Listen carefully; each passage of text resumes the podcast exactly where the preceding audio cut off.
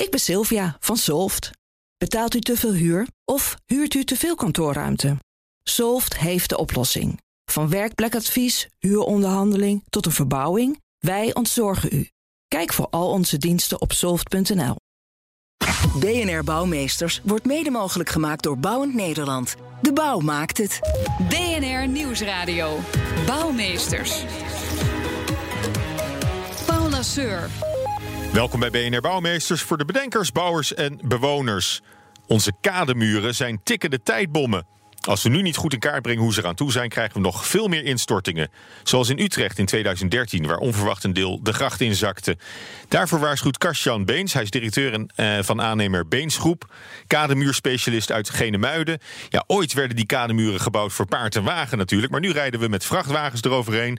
En de grote steden zoals Amsterdam en Utrecht zijn al jaren bezig om de huidige kademuren toekomstbestendig te maken. En dat is geen malse opgave. De gemeente Amsterdam trekt er 450 miljoen euro voor en de gemeente Utrecht heeft zijn kademuurbudget al lang overschreden. En het moet ook nog eens razendsnel gebeuren. Geen 500 meter kade per jaar, maar 10 kilometer. Dus dat is 20 keer sneller dan we het eh, nu doen. En daar praat ik over met Karst-Jan Beens. Hij is directeur van Beensgroep. Hartelijk welkom. Ja, dank je. Ja, goed dat je er bent. Ja, en voor we verder praten over die kwetsbare kademuren... Uh, dan, en hoe die vervanging gaat worden aangepakt, uh, willen we van onze gasten altijd eerst weten wat hun grootste bouwflater of hun grootste bouwsucces is uh, geweest. die vraag stel ik jou ook, Karstjan. Wat is je grootste ja, flater van de laatste tijd? Ja, voor mij persoonlijk is dat wel um, voor ons project in Den Haag. Um, in het laakkwartier daar ligt de petroleumhaven en de Kallandkade. Daar hebben we de kademuren vernieuwd. Maar wat we toch een beetje onderschat hebben, dat is de sanering en de, het regelen van vergunningen. En daardoor zijn we flink uit budget gelopen. Um, ja, ik zie het voor mezelf even als een flatertje. Ook een beetje een beginnersfout, nou, als ik het zo hoor. Nou ja, ja goed. Kijk, de naam zegt het al, Peter Oliumhaven. Dus je zou denken van, joh, die sanering, uh, daar moet je toch even mm. iets meer op sturen. Uh, maar we leggen de focus volledig op het vervangen van die kademuren. Ja. En uh, daardoor zijn we een beetje uit budget gelopen. Uh, maar gelukkig, en dat is gelijk het succes ook, hè, wat we gevierd hebben, is het project wel binnen tijd opgerond. En dat is een fantastisch product, zodat achter die kademuren nu die woontorens verrijzen en, en gebouwd kan worden. Ja. En ik ben ontzettend trots op onze mensen dat ze dat nu ja, tot een goed einde hebben weten brengen. Samen met de gemeente, want we hebben elkaar ook weten vast te houden vast te houden in dit uh, traject. Dus ja, uiteindelijk uh, ben ik er ook ontzettend trots op. Ja, en juist die samenwerking, daar, daar, daar moeten jullie het van hebben. Ja, en ja, met, met uh, wat jullie zijn kademuren specialisten, kun je zeggen. Dit is ook een, wat je nu noemt, ook een kademuurproject. Ja, hoe erg is het gesteld met die kademuren in Nederland? We, we, we hebben wel eens, wel eens een incident af en toe. En we, we hebben ook al gehoord dat Amsterdam dat flink aan gaat pakken. Nou, Utrecht is natuurlijk bezig. Maar hoe, hoe, hoe staan ze ervoor? Nou ja, wat wij wel zien is, is, is vooral in die binnenstedelijke omgeving. In die binnenstedelijke omgeving, wat wij zien is. Um, Um, dat het eigenlijk onbekend is wat de, wat, wat de staat is. Wat eigenlijk de restlevensduur is van de kade op dit moment. En als je dat niet goed in beeld hebt, dan um, ja, kom je vaak voor verrassingen te staan. En dat wil je niet. Ja, want veel van die muren zijn, zijn al 100 jaar oud, misschien ouder. Ja, ja, ja. Kijk, je kan je voorstellen. Um, 200 jaar terug werden die muren gebouwd gewoon als evenwichtsmuren. Hè? Um, gewoon een stapel stenen met wat, wat, wat, wat hout ervoor en, en die hield de zaak bij elkaar. En, um, ja, meer beschoeiing dan. Soort, ja, een soort, hè, de functie van die kade was ook meer een, een, een grondkerende constructie. Mm -hmm. En nu doen we er veel andere dingen mee. Ja. ja. Wat, wat voor andere dingen? Nou, um, uh, bijvoorbeeld um, de verkeer, veel, zwaar verkeer uh, rijdt mm -hmm. over die kades. Um, intensieve uh, vaarbelasting voor de kade. Of achter de kade in het water, moet ik zeggen.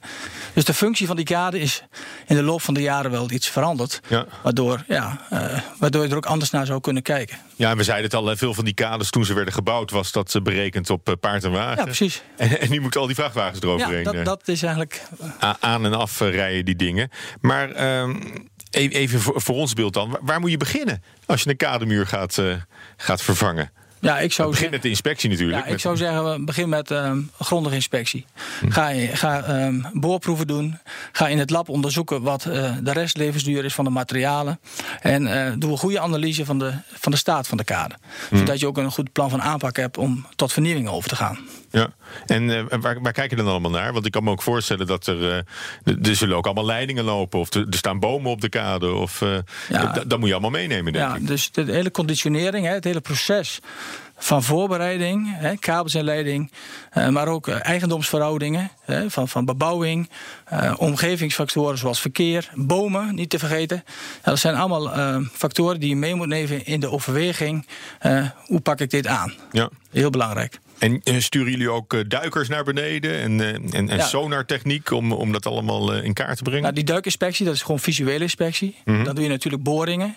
En die kennen neem je mee naar het laboratorium, onderzoek je. Maar uh, tegenwoordig zijn er ook mooie onderwaterdrones. Waardoor hè, kan je kijken, uh, gewoon niet meer met duikinspectie, maar gewoon met een drone onder water, wat de toestand van die kade is. En dat speelgoed hebben jullie ook allemaal tot je beschikking? Uh, we hebben niet alles tot onze beschikking, maar we kunnen er wel over beschikken. Ja, Oké. Okay.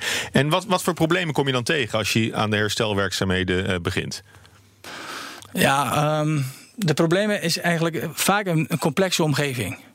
Want je wil eigenlijk hè, dat die omgeving doorfunctioneert. Bijvoorbeeld nu in Utrecht. Hè, de, scheepvaart moet doorgaan, het verkeer moet doorgaan. De be bewoners willen geen, uh, geen overlast. En dat maakt het eigenlijk wel complex. Ja? ja. En, en, lukt het uh, een beetje om die overlast te beperken voor de bewoners?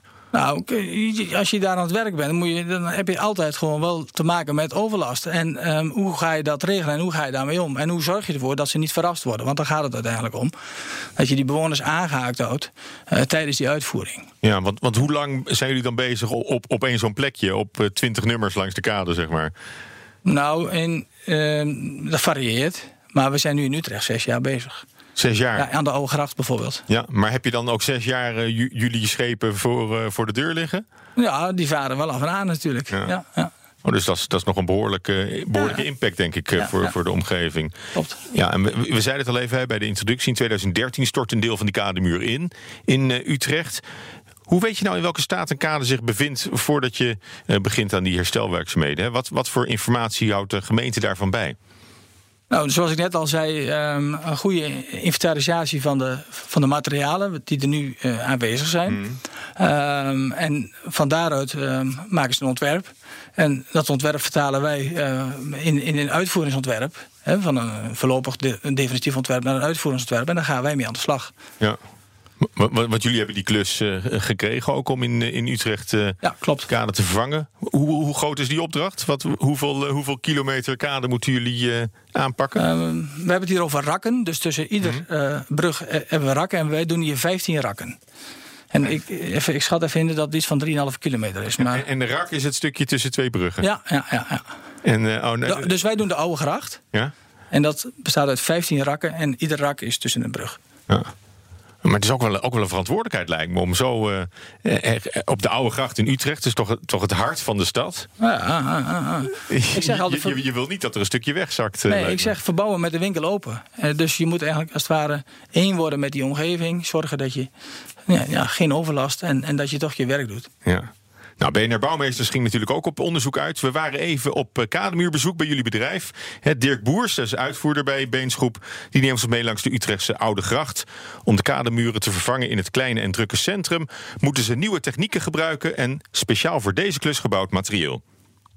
We lopen dus hier uh, dwars, door, uh, dwars door Utrecht, uh, slingert de Oude Gracht. En je ziet het wel, dus allemaal historische bebouwing, honderden jaren oud. Um, en vroeger werd die gracht al heel veel gebruikt voor uh, de aan- en afvoer van goederen. Utrecht was echt een handelscentrum. Um, en eigenlijk is dat niet echt veranderd.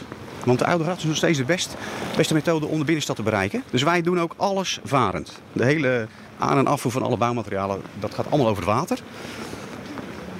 En uh, ja, het is zelfs zo dat uh, de gemeentelijke havendienst ook het water gebruikt om bijvoorbeeld de horeca te bevoorraden. En uh, het vuilnis weer mee retour te nemen de stad uit. Dus in die zin is de, de logistieke functie van de Oude Gracht al eerbelang hetzelfde. Nou, we zijn nu aangekomen op, we noemen dit rak 4. dit, is, dit is echt hartje stad. je kan het wel zien, we liggen hier met, met pontons, drijvende werktuigen, kraanschepen. er ligt een boot van de havendienst, die haalt de vuilnis op. Je kijkt hier als het ware tegen de oude kademuur aan. Dus we hebben, we hebben daarvoor hebben we een, een dammand in het water geslagen om de boel droog te kunnen pompen. We kijken nu tegen de oude kademuur aan en die is nog helemaal intact. Daarachter zien we stalen buispalen staan. Die hebben we gewoon dwars door de bestaande kademuur geboord. Dus we boren grote gaten met, uh, met een diamantboor. En daarna komt er een, uh, komt er een machine die de buispalen erin schroeft. Uh, en vervolgens pellen we de oude kademuur eraf.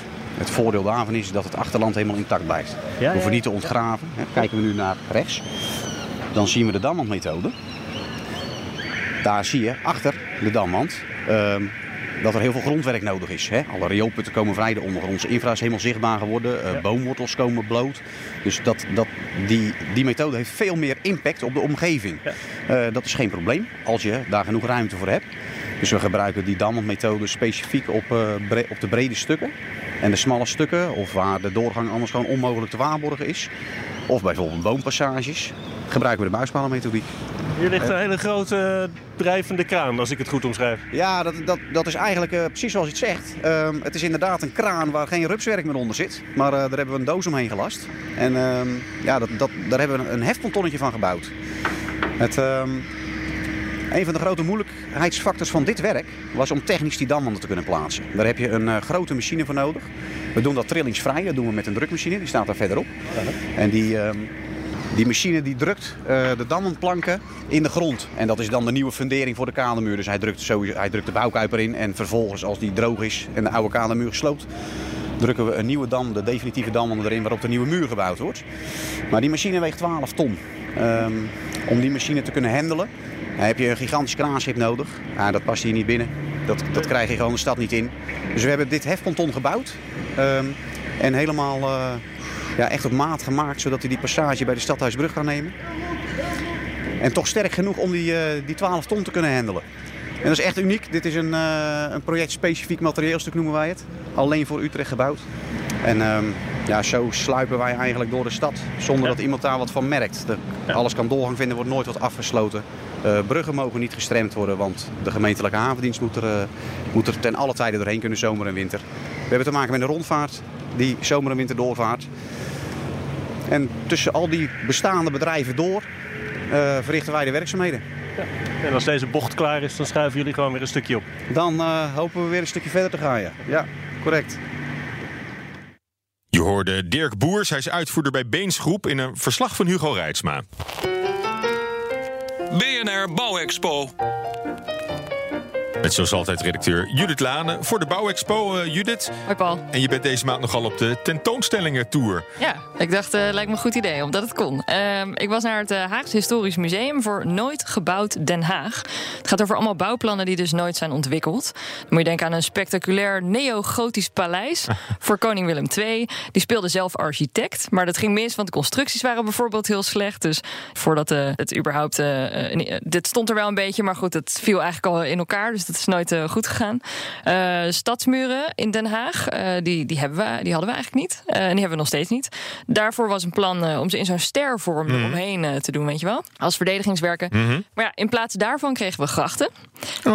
die zijn dus begin 17e eeuw aangelegd. en die tentoonstelling heeft dus allemaal bouwtekeningen, maquettes en interactieve kaartjes waarop je allemaal verandering kunt zien. is hartstikke leuk. En welke bouwplannen inspireerden jou nou het meest? Nou, dat waren er een paar. Ehm, die eerste was een nieuw plan voor een uh, nieuwe wereldhoofdstad van het internationalisme.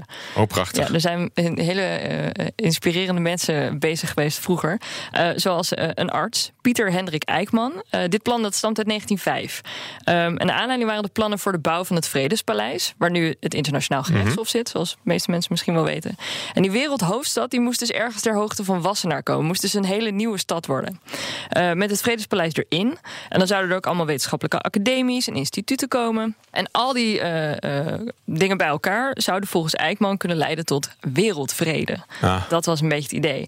En uh, architect De Basel die ontwierp het. Dat is ook een soort stervorm. En nou ja, uiteindelijk was er toch te weinig animo voor. Dus het bleef bij een plan. Het is dus nooit uitgevoerd. Oké, okay, en dan hadden we allemaal Esperanto moeten spreken. En, ja, en de, de, wereldvrede bevorderen. Nou goed, het stadhuis en het cultureel centrum. Daar is ook al lang gedonder over. Hè? Ja, zeker in Den Haag. Dus het zal andere, andere steden ook wel zo zijn. Maar naar Den Haag. Als er iets is uh, qua bouwplannen Mhm. waar mensen moeilijk over doen, dan zijn het die twee. Uh, en al heel lang. Er zijn namelijk tientallen niet uitgevoerde ontwerpen van vooraanstaande architecten voor het stadhuis. Denk aan Berlage, die het Kunstmuseum heeft ontworpen. Jan Wils, die hebben we al eens eerder behandeld. Die heeft die wijk de Papaverhof gemaakt. Dudok, ook zo'n bekende Mhm. naam. Die hebben dus allemaal plannen gemaakt die nooit zijn uitgevoerd. Het huidige stadhuis, dat is nu het IJspaleis, je zei het al. Mhm. Ja, ik vind het groot, wit, lelijk. Uh, het staat aan het spuit, uit de jaren 80. Daar was tijdens de bouw een enorme rel over. Er zijn twee wethouders die het onderspit moesten delven. Want het ontwerp wat er lag van uh, Richard Meijer, een superbekende Mhm. architect, Rem Koolhaas, nou, die kennen de meeste mensen ook wel. Die hebben dus de stad en gemeenteraad tot op het bot verdeeld. En nou ja, daarnaast een ander gebouw. Daar is nu dus ontzettend veel ophef over. Dat was dus vroeger uh, een complex ook van Koolhaas, waarin het Nederlands Danstheater en het Residentieorkest Hè, het Luce en Danstheater en de Dr. Ante Philipszaal. Die ging tegen de vlakte en daar moest dus het Spuiforum komen. En dat was in 2012. Maar ja, het was niet goed genoeg. Het was te groot, het was te duur. Uh, 181 miljoen moest dat gaan kosten. Nou, iedereen boos. Uh, vooral de Haagse Stadspartij was dus tegen. Uh, en dat werd het onderwerp van de gemeenteraadsverkiezingen twee jaar later, in 2014. Toen was de Stadspartij de grote winnaar. En wat hebben die toen gedaan? Je raadt het al, die hebben het plan geschrapt. Ah, ja. ja. ja, en. Die hebben toen uh, architect Jo Koenen binnengehaald, uh, voormalig Rijksbouwmeester. Die heeft aanpassingen gedaan, waardoor het dus minder enorm werd, minder duur ook. Maar ja, vorig jaar vertrok ook hij weer van het project. nu hebben ze het, het heette dus Spuiforum, Cultuurpaleis. Het heeft ook allemaal verschillende namen al gehad. OCC staat ook weer ergens voor. nu heet het dus Amare. Het is in ieder geval in aanbouw. Met de dag van de bouw heb ik er een rondje doorheen gelopen. Ik hoop dat het eindelijk uh, binnenkort een keertje afkomt. Want het is best wel een tof gebouw. Er, er gaat de, de, nog steeds is plan om het Residentieorkest, Nederlands Danstheater en het Conservatorium daarin te zetten. Met allemaal zalen waar dus alle kunst en cultuur van Den Haag samenkomt. Ja, en hebben we ook nog de verbouwing van de Tweede Kamer trouwens. Ja, in, in Den Haag. uh, de, die zit ook in de tentoonstelling. Uh, want vroeger... Als nooit gerealiseerd project, nee, misschien al. Dat was mooi geweest. Nee, nee, over uh, gewoon vroegere plannen uit de, de 19e eeuw.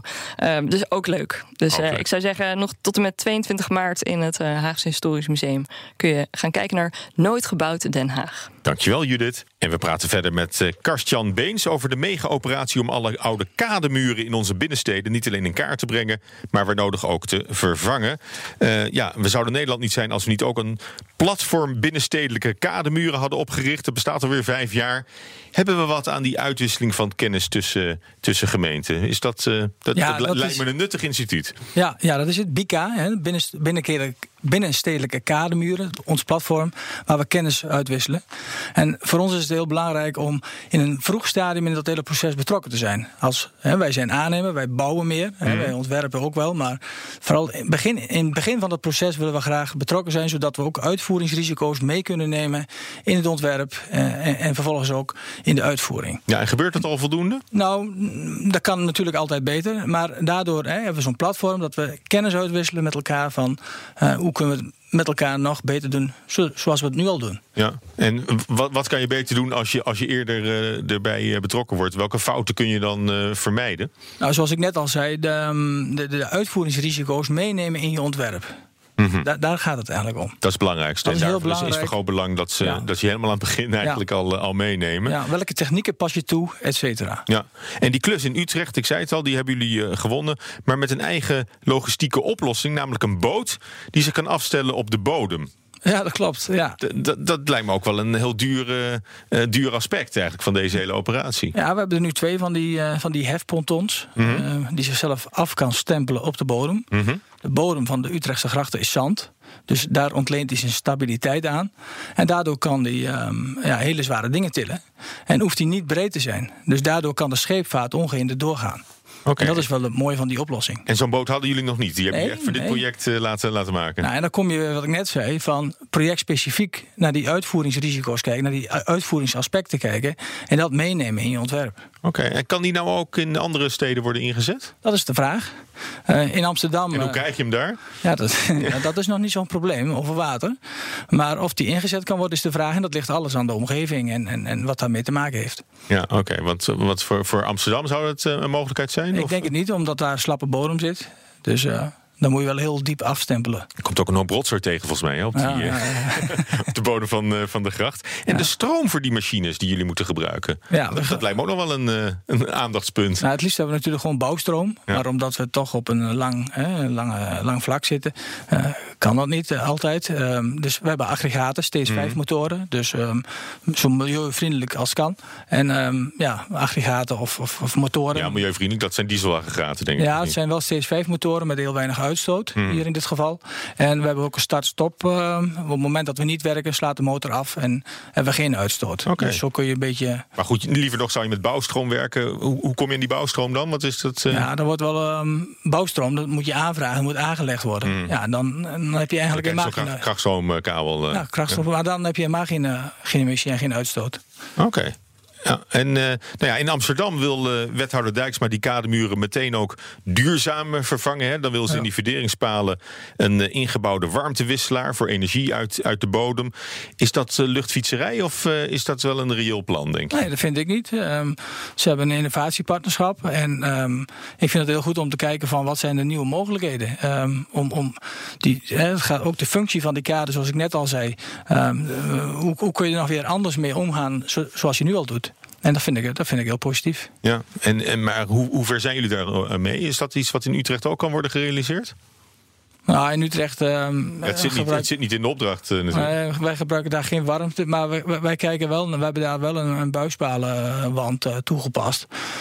Dus dan, dan gaat het echt over de techniek, maar niet echt Mhm. ehm, eh, warmtewisseling of dat soort systemen. En is dat iets waar, waar jullie de kaders al wel gereed voor kunnen maken? Dat je misschien later vrij eenvoudig dan dat soort eh, techniek kunt toevoegen aan een kademuur? Ja, dat zou je kunnen doen. Ik, ik heb wel eens gedacht, die paaltjes die erop staan, kun je daar niet gewoon eh, ehm, ook eh, oplaadpalen voor auto's, bijvoorbeeld. Oh, dat zou ideaal zijn, ja. Zoiets. Maar dat, dat gebeurt nu nog niet. Niet overal. Dat Nee. wordt nu, en dat is mooi. hè. Als je in het begin betrokken bent bij iets, dan, dan kan je dat soort dingen inbrengen. Ja. En dat, dat maak je van de nood een deugd ook. Ja, precies. Hè, door, door, de, door ze ook meteen te moderniseren. Ja, het Parool schreef in april al over een mogelijke proef aan de Leliegracht. Hè, met eh, met zo'n ingebouwde warmtewisselaar in verderingspalen voor de, voor de vernieuwde kademuren. Ehm, ja, die, die verduurzaming van kademuren, dat, eh, dat is iets wat je op termijn ook wel ziet, eh, ziet gebeuren. Ja, dat, als je dat mee kan nemen, is dat natuurlijk altijd een voordeel. En daar moet je, nou ja, moet je echt wel naar kijken. Oké. En, de, en de hele vervangingsopgave, hè? Wanneer, wanneer is die klaar? Want jullie, jullie zijn lekker onder de pannen volgens mij met dit project. Nou, eh, wanneer is die klaar? Dat, eh, in Amsterdam dan, dan is meer de vraag van wa- wanneer beginnen we? Wanneer gaan, ja. wanneer gaan we echt beginnen? We zijn nu bij de entree eh, bezig, met het vervangen bij de stadhouders eh, kade. Ehm, dus er zijn wel een aantal projecten die, die, die lopen, maar eh, ja, de, de opgave is enorm. En wanneer die klaar is, dan zijn we denk ik wel 20 of 30 jaar verder. Nou, je zegt voor Amsterdam, eh, wanneer gaan we, gaan we beginnen? Ja. Dus is dat wel verantwoord? Dat, dat het nog steeds eh, eigenlijk wacht op uitvoering? Nou, overal waar nu de problemen zijn, zie je wel eh, tijdelijke maatregelen, zodat er geen instortingsgevaar is. Dus dat is goed. Maar die urgentie die is wel enorm. Ja. En eh, de- denk jij dat de gemeenten kunnen garanderen dat we niet nog meer instortende kademuren gaan zien, zoals in 2013 in Utrecht? Ah, ik, ik heb het idee dat ze dat nu wel redelijk in beeld hebben. En, eh, maar het, het- het- de zorg blijft natuurlijk. Ja. En, en weten jullie al wel een beetje waar de zwakke plekken zitten? Nou, eh, ik ben daar zelf niet echt bij betrokken, om- omdat dat iets echt voor gemeentes is. Ja. Hè. Maar zoals we net al zeiden, die, die, die, die- het zijn gewoon tikkende dij- tijdbommen en, eh, en dat blijven het. Dus die zorg eh, ja, niet, uit het, eh, niet uit het oog verliezen, zou ik zeggen. Oké, nou ja, goed. En, en, en voor jullie zijn het, eh, zijn het mooie opdrachten natuurlijk. Ja, als ik- als kademuurspecialisten. Ja, ik vind het leuk om te doen ook. Want eh, ja, het is toch een stukje oudtijd wat je toch in stand wil houden. En ja, het heeft ook echt een, functie in zo'n binnenstad. Dus echt leuk om te doen. En dat maakt het voor, eh, voor voor de bouwer ook extra leuk om, Ja, om aan te ja, werken. Iedere keer weer een uitdaging. Iedere keer weer een uitdaging. Nou, dat, eh, dat, dat geloof ik eh, graag. Hartelijk dank voor dit gesprek. Karstjan Beens van Beensgroep. En tot zover BNR Bouwmeesters over de kademuren. Tips voor onderwerpen kun je sturen naar bouwmeesters.bnr.nl of via Twitter @bnrbouw. En deze uitzending is terug te luisteren als podcast via de BNR-app en bnr.nl. Tot volgende week. BNR Bouwmeesters wordt mede mogelijk gemaakt door Bouwend Nederland. De bouw maakt het. Ik ben Sylvia van Solft. Betaalt u te veel huur of huurt u te veel kantoorruimte? Solft heeft de oplossing. Van werkplekadvies, huuronderhandeling tot een verbouwing, wij ontzorgen u. Kijk voor al onze diensten op soft.nl.